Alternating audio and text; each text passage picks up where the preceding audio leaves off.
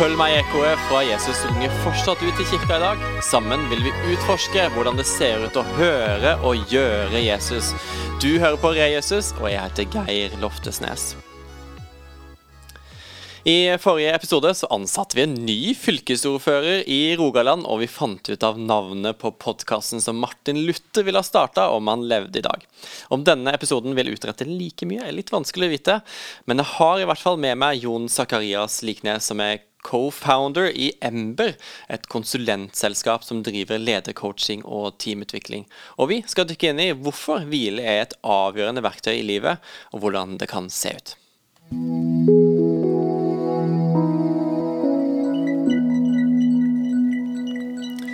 Jon Sakarias, velkommen til Rie Jesus. Er du spent på hva som kommer?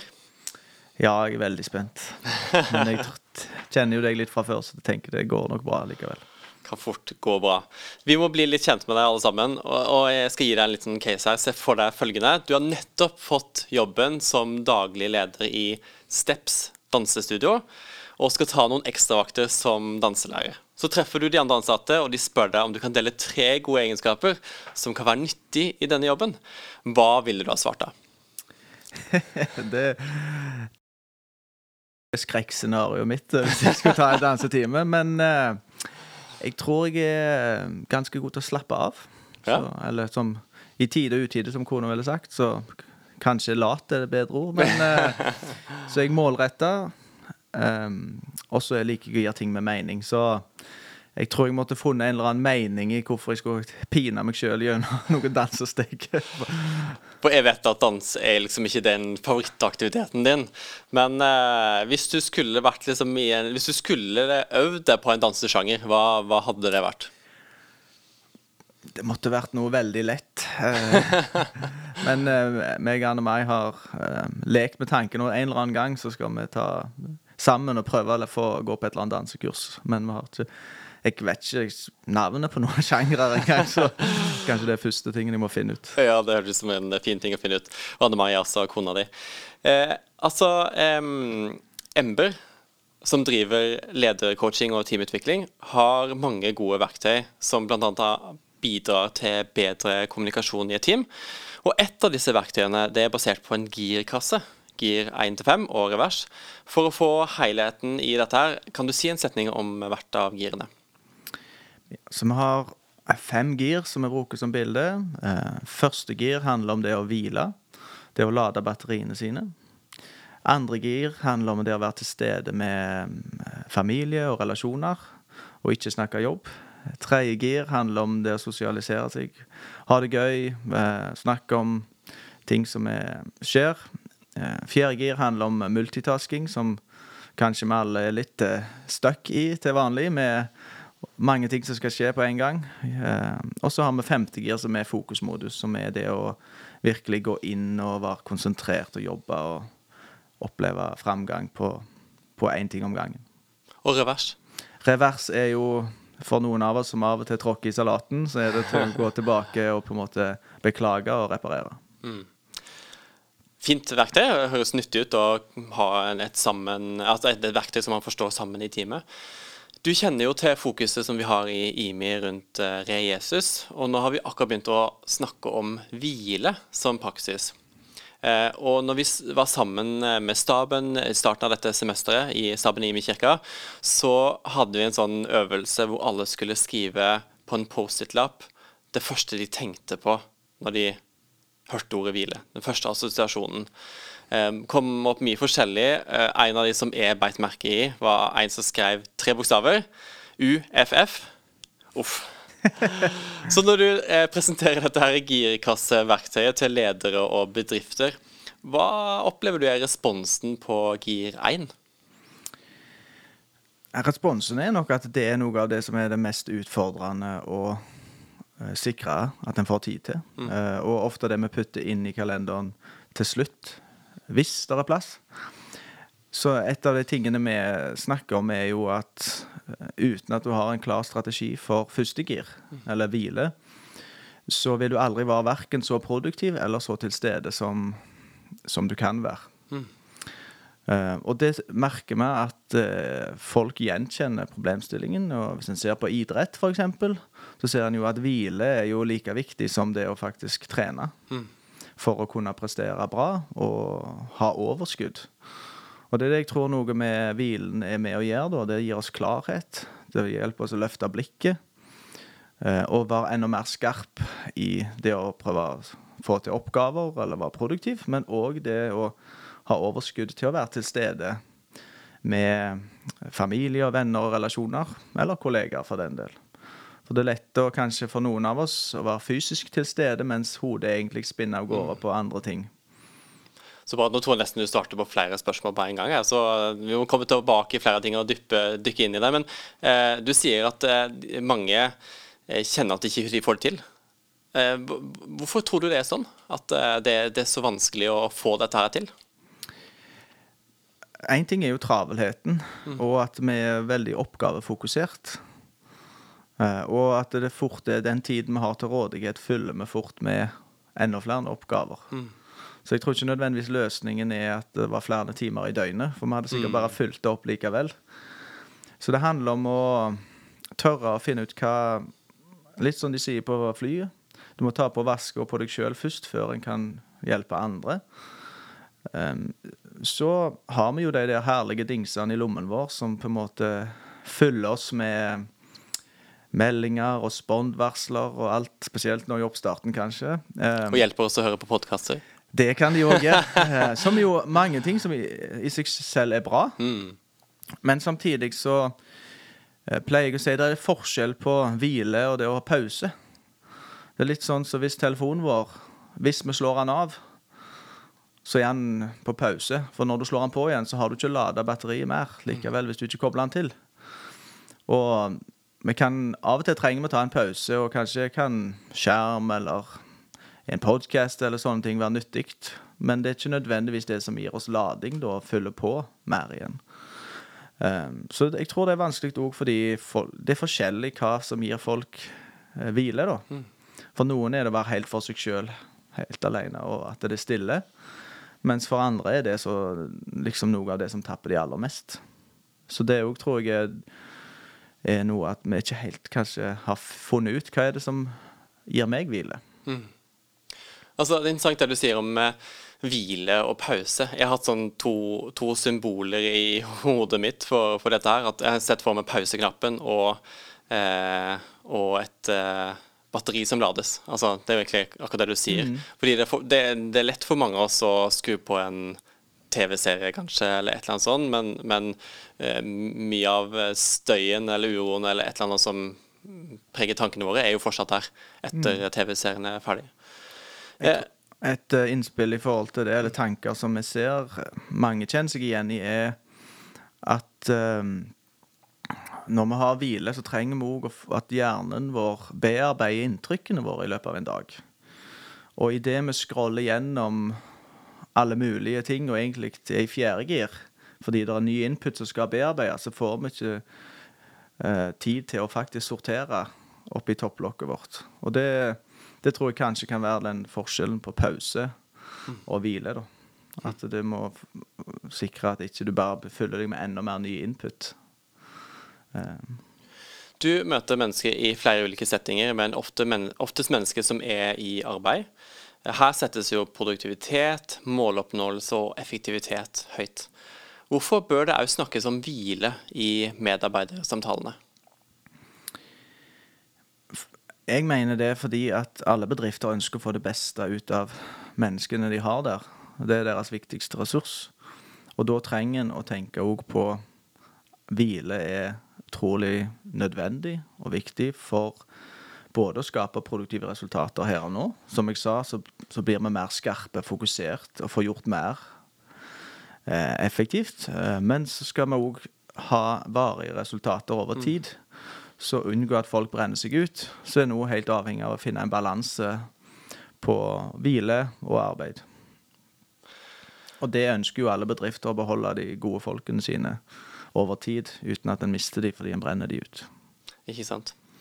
Eh, Thomas Sjødin har skrevet en bok som heter 'Mens du hviler'. og Der sier han bl.a. at hvilen har blitt upopulær. Vi unnskylder den som den var synd. Vi forsvarer den som den var en forbrytelse, og enda verre, vi håndterer den som den var noe vi egentlig kan klare oss uten. Det har gått så langt at det til og med blir regna som ufint å være trøtt. Sitat slutt. Hva skal til for at vi verdsetter hvile mer, både i eget liv, men òg i jobbsammenheng?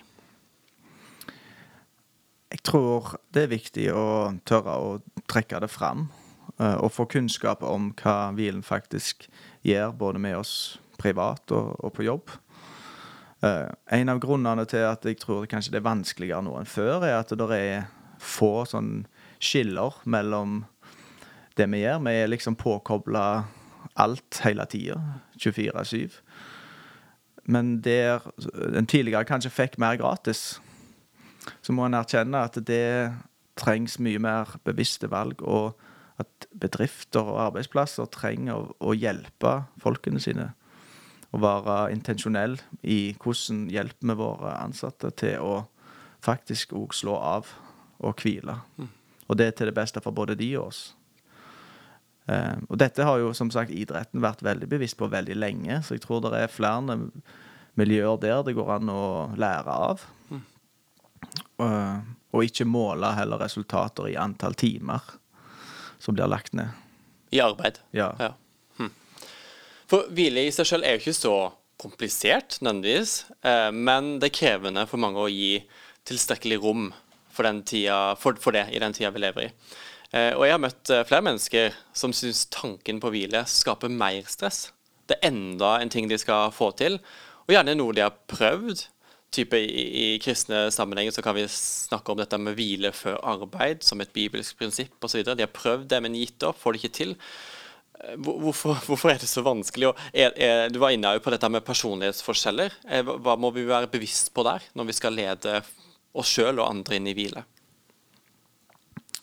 Jeg tror vi må være bevisst på at det ser forskjellig ut.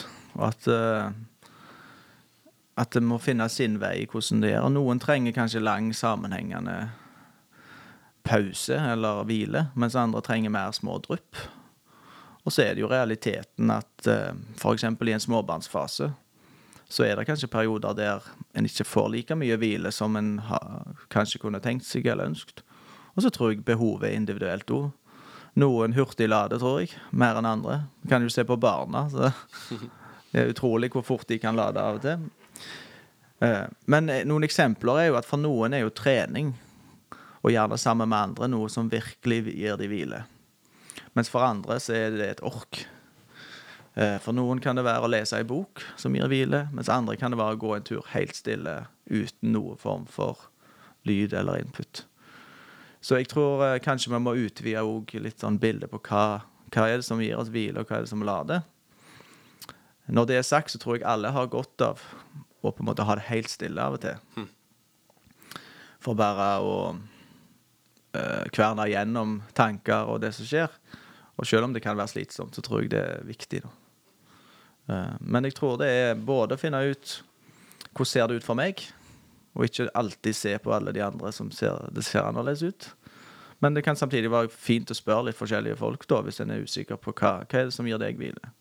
For min del så merker jeg at jeg trenger et eller annet um, som tvinger tankene mine vekk fra jobb. Hvis det er helt stille, så går fort tankene tilbake til jobb. Så jeg trenger f.eks. når jeg spiller fotball, så er det bare meg og ballen. Og da glemmer jeg alt annet for et øyeblikk. Og det gir meg lading.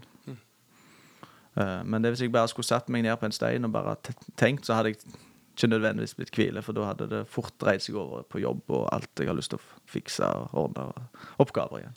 Du òg har litt av de tinga, altså. Har hendt. Kona mi kaller meg for filosofen, så det er vel en, er vel av en grunn. Ja, sant. Du var inne på denne her dingsen i lomma. Altså, eh, mobilen er jo, er jo overalt. Er jo med oss overalt. Eh, til og med vi, går vi til sengs med mobilen og hva det måtte være. Har du noen, har du noen konkrete eh, tips på hva, hva gjør man for å ta litt pause fra mobilen?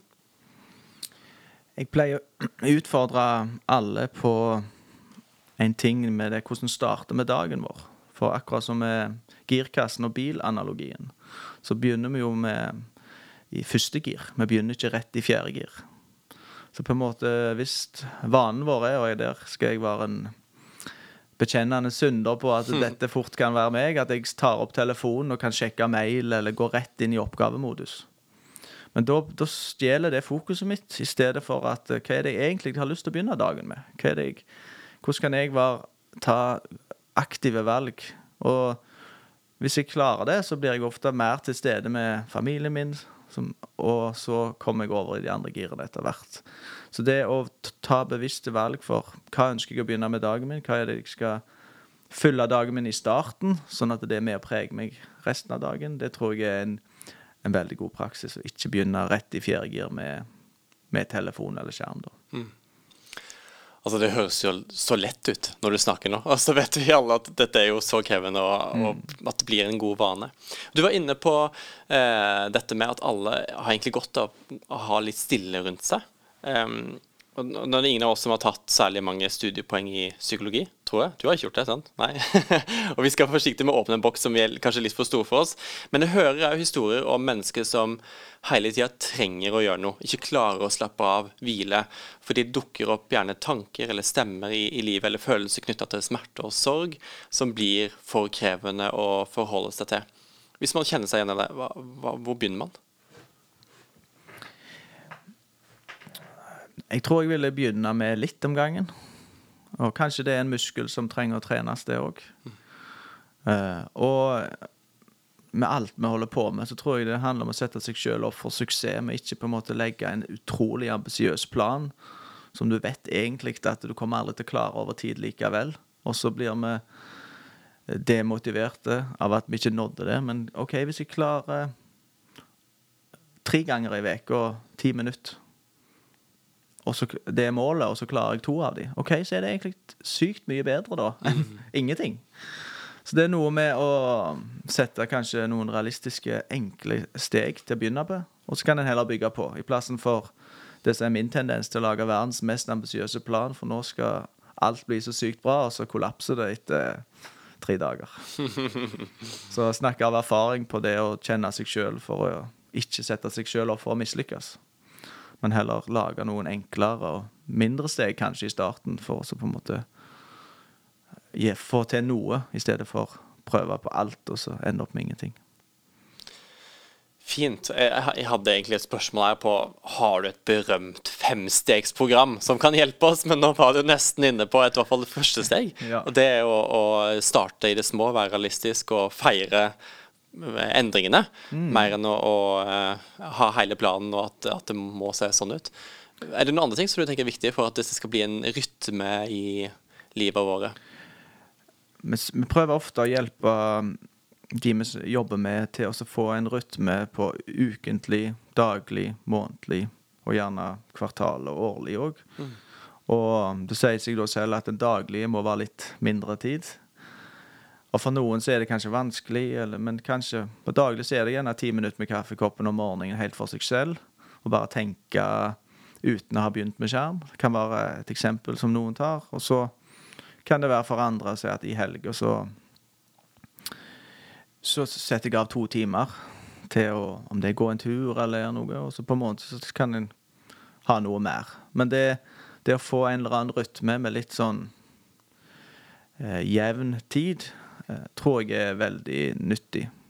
Og så igjen da feire når en får til en del av det, og ikke på en måte grave seg ned hvis det ikke ble akkurat etter planen. Fint. Eh, og vi vet jo alle at eh, får vi vaner, så er det lettere å bare leve i de og, og få det til å fungere. Eh, er, det, er, det, sånn at eh, Nå er det kanskje litt sånn søkt spørsmål, men eh, holder det å gjøre dette her aleine? Nei, eh, det er jo eh, veldig ofte at vi trenger noen som ansvarliggjør oss på det. Og et eksempel på en, en, praksis som har vært bra for meg, men samtidig viser hvor vanskelig det er å faktisk holde på den, det var at jeg hadde en god venn som gikk tur en, en morgen før arbeid. Og vi gjorde det kanskje i et år en gang i uka. Og så Nå er det kanskje et år siden sist vi gjorde det likevel. Selv om begge opplevde det utrolig verdifullt. Men det var noe av det som var så verdifullt, var jo nettopp den ansvarliggjøringen på, på å ha en avtale.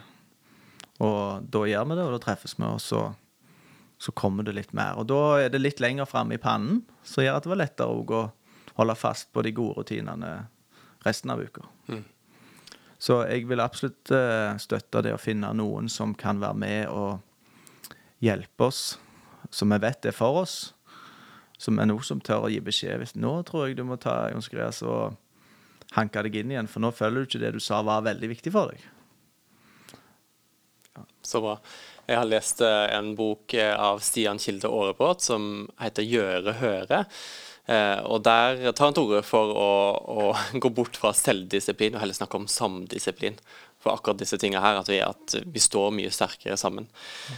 Vi tror jo på show, don't tell og be the message osv. Så, videre. så jeg må jo spørre deg, Jon Zacharias, hvordan gir du rom for gir 1 eller hvile i livet ditt?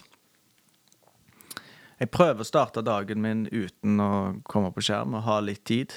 Eh, og så klarer jeg kanskje det 50% av tilfellene i uka, men da tenker, velger jeg å prøve å feire det.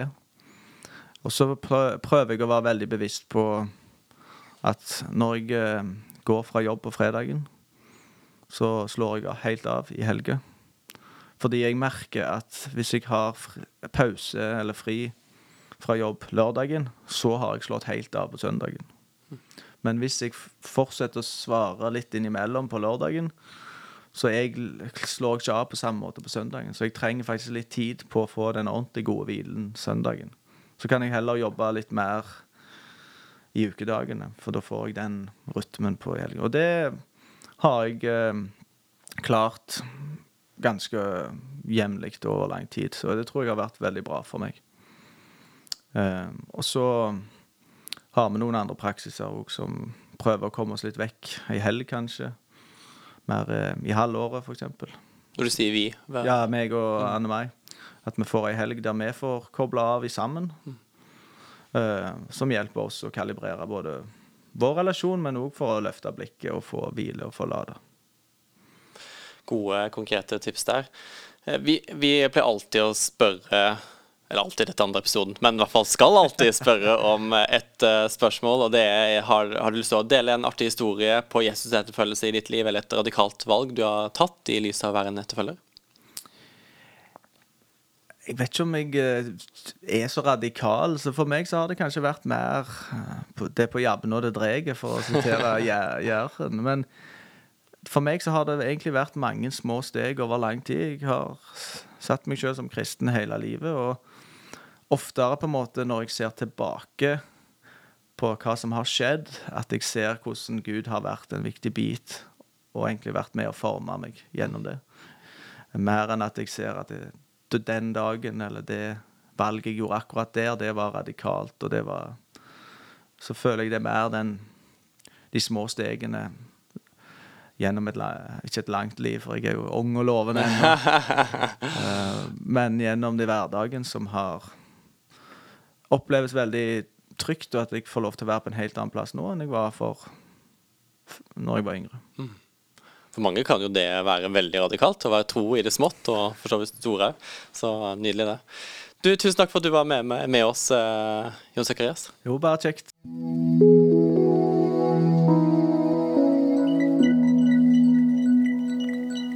Takk for at du uh, hørte på. og Hørte du nøye etter, så sneik jeg med en bokanbefaling av Thomas Sjødin på temaet 'Mens du hviler', heter den boka. Det er en praktfull bok som understreker kraften i hvile, og det som skjer i oss når vi hviler.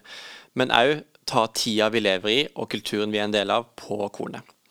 Har du tips, innspill eller tilbakemelding, så send det til geir.imekirken.no, og sjekk òg gjerne ut nettsiden rejesus.no, som oppdateres fortløpende. Likte du det du hørte? Tips en venn eller uvenn, så kanskje dere kan bli venner igjen. Hvem vet? Da er det bare for meg å si vil du være med, så heng deg på.